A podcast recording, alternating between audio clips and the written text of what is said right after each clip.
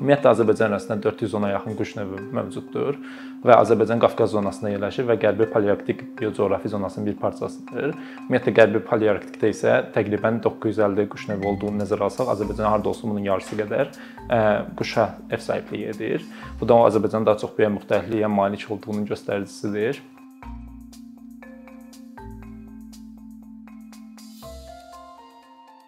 Quş müşahidəsi nədir dedikdə, quş müşahidəsi insanların təbiətə gedərək quşları öz təbii areallarında onları narahat etmədən e, izləmə prosesidir. Bu bir hobbi növüdür və burada əsas məqam quşları narahat etməməkdir.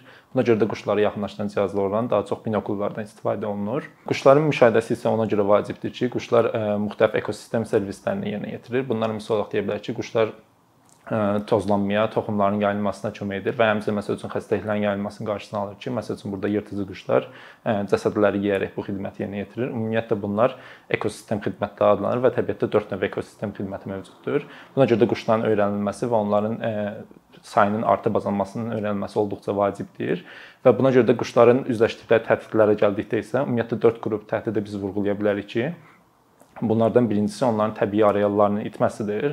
Təbii arealların itməsi əlbəttə ki, insanların səyi nəticəsində baş verir və bunu müxtəlif qruplara bölə, bölə bilərik. Bunlar arasında məsəl üçün əkinçilikdir.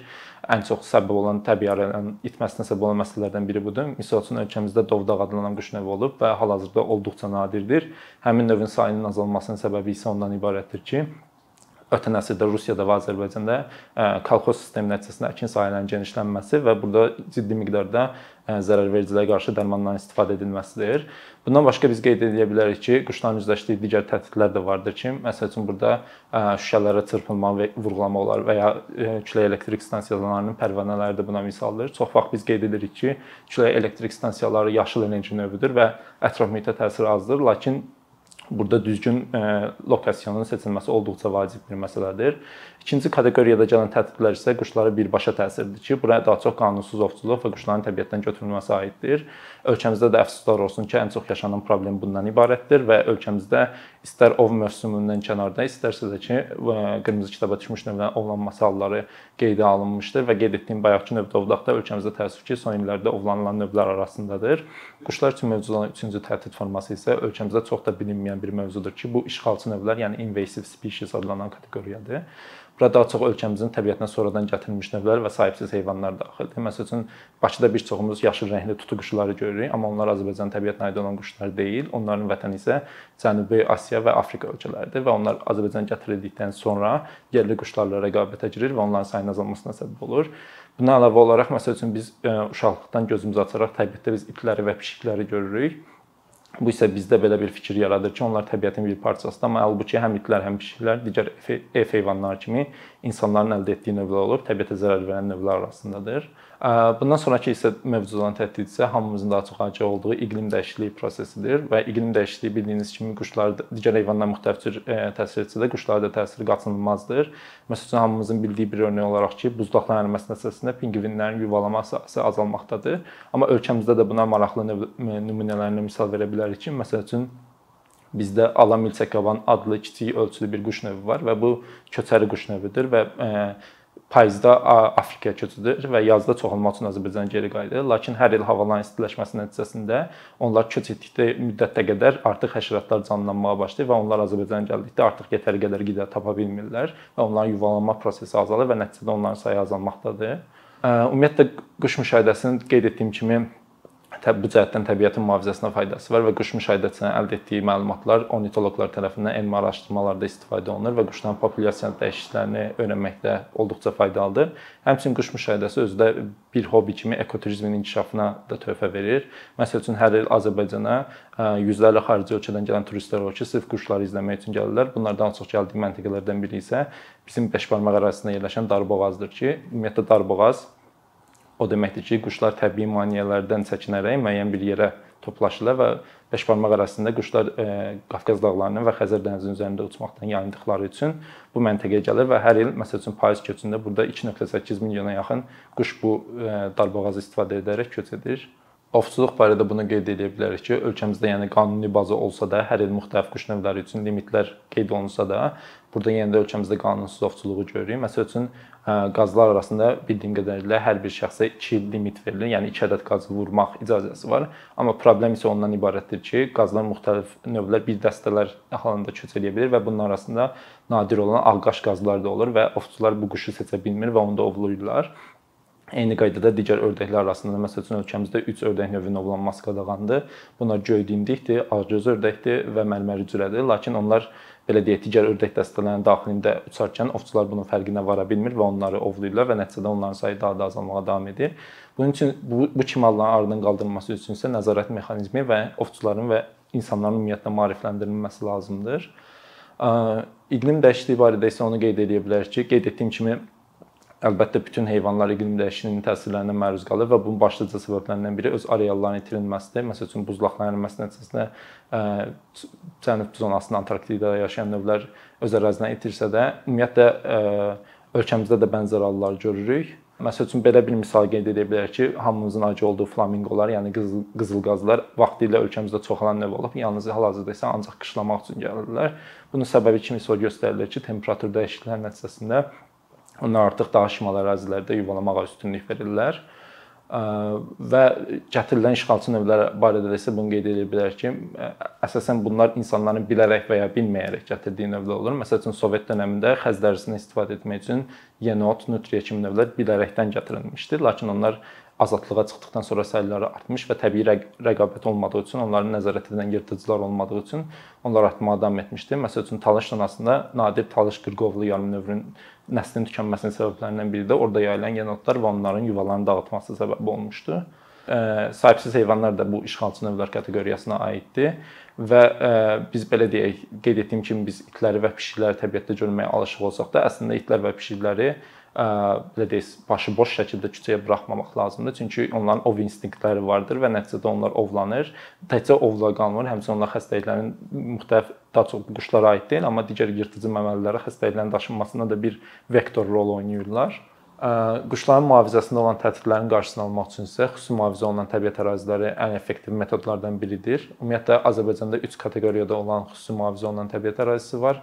Bunlar qoruq dövlət qoruqları, milli parklar və yasaqlıqlardır. Bunlar arasında fərqlər də mövcuddur ki, vətəndaşlar dövlət qoruqlarına daxil ola bilməz. Milli parklar və yasaqlıqlara isə girmək mümkündür.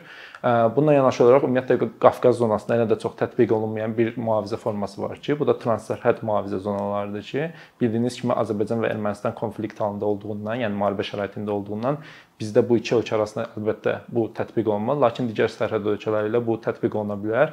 Məsəl üçün Gürcüstan və Azərbaycan sərhədində yerləşən Candar gölü var. Biz Candar deyirik, Gürcü tərəf isə Candari deyir və bu göldə nadir quş növləri də müşahidə olunmuşdur. Lakin bu nə Azərbaycan tərəfindən, nə də Gürcüstan tərəfindən bu gölün mühafizəsi təşkil olunur.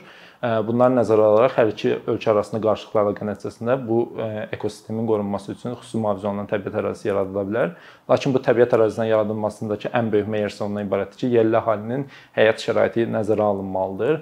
Ölkəmizdə mövcud ən böyük problemlərdən biri də budur ki, məsəl üçün bəzi bölgələrdə qaz çatışmazlığı olduğundan onlar ağacları kəsmək, kəsərək, yəni oduncaq tədarükü ilə məşğuldur. Lakin bəzən bu da nadir növlərin və mühafizə olunan növlərin kəsilməsi ilə nəticələnir.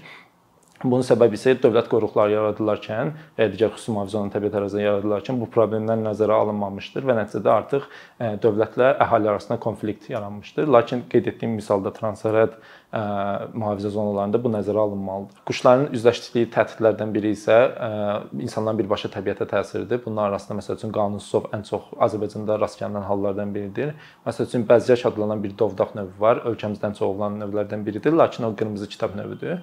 Bunun bu halın yayılmasının səbəbi isə ondan ibarətdir ki, Azərbaycan bəzgəklərinin qışlama zonasında yerləşir və hər il Azərbaycandan yüz minlərlə bəzgək gəlir və təbii olaraq ovçular düşünür ki, əgər bu qədər çox saylıdırsa, biz nə üçün bu quşu ovlamırıq? Amma problem isə ondan ibarətdir ki, Azərbaycana gələn bəzgəklər dünya populyasiyasının ən azı 3də 1 hissəsini təşkil edir. Bu isə o deməkdir ki, Azərbaycan bu növün mühafizəsi üçün olduqca əhəmiyyətli bir ərazidə yerləşir. Məsəl üçün BirdLife International-ın məqalələrinə əsasən dünyada bəzgəklərin ən çox ovlandığı regionlardan biri də Azərbaycandır. Buna əlavə olaraq insanların digər birbaşa təsirlərindən misal olaraq qeyd edə bilərik ki, məsəl üçün evlərin şüşələrindən quşların çırpılaraq ölməsidir. Əslində bunun çox sayda bir həll üsulu vardır ki, şüşələrə şaquli zolaqlar əlavə edərək bu problemin qarşısını siz evdə də ala bilərsiniz. Məsəl üçün Bakıda ən çox rast gəlinən belə deyək, kiçik həcmli problemlərdən biri də budur ki, quşlar elektrik naqillərinə və ya şüşələrə çırpılaraq ölür. Lakin hər birimiz kiçik addımlar ataraq bu problemlərin qarşısını almağı bacara bilərik. Bir neçə ildir ki, əkinçi olaraq azərbaycanlı izləyicilərin hər zaman faydalana biləcəyi keyfiyyətli və ən əsas ödənişsiz kontent hazırlamağa çalışırıq. İndiyədək təqdim etdiyimiz onlarla animasiya və yüzlərlə çəkilişlər tələbələrin, mütəxəssislərin, müəllimlərin və ümumiyyətlə yeni mövzulardan xəbərdar olmaq istəyən çox sayda insanın marağına səbəb olub. Bu illər ərzində hazırladığımız videolar təhsil, texnologiya, ictimai fəallıq, iqtisadiyyat, gender bərabərliyi, ətraf mühit, ifadə azadlığı, hüquq, demokratik inkişaf, mədəniyyət və digər mövzuları əhatə edib. Məqsədimiz çoxlu baxış gətirən deyil, çoxlu fayda gətirən videolar hazırlamaqdır. Amma bu düşündüyümüz qədər asan deyilmiş. Gördüyümüz iş kifayət qədər resurs, əmək və təbii ki, davamlılıq tələb edir. Bu səbəbdən Patreon platformasından istifadəyə başladıq. Əkinçinin Patreon hesabının populyarlaşmasına çox böyük ümidlərimiz və gözləntilərimiz var.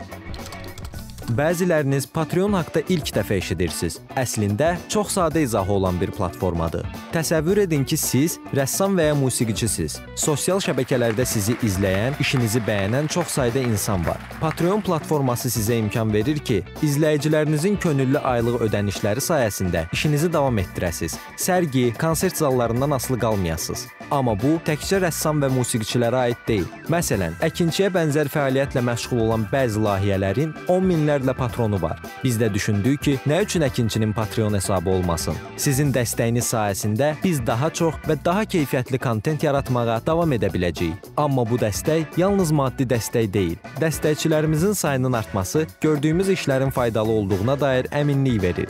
Patreon platformasından istifadə çox sadədir. Hesabınızı açırsınız, sizə uyğun dəstək növünü seçirsiniz və Patreon özü hər ayın ilk günü kartınızdan seçdiyiniz dəstək növünə uyğun ödəniş tutur. Bu qədər. Sonda onu demək istəyirik ki, dəstəkçilərin sırasına qoşulmaq istəyən, amma məhdud imkana görə bunu edə bilməyənlər narahat olmasın. Daha öncə dediyimiz kimi, bizim əsas məqsədimiz daha çox insanın hər zaman faydalana biləcəyi keyfiyyətli və ödənişsiz kontentin yaradılmasıdır. Bunun üçün mütləq patronumuz olmalısınız deyə məcburiyyət yoxdur. Amma imkanınız patron olmağa çatırsa və bizim işimizi bəyənirsinizsə, patronlarımızın sırasına qoşulmağınız bizim üçün çox önəmlidir.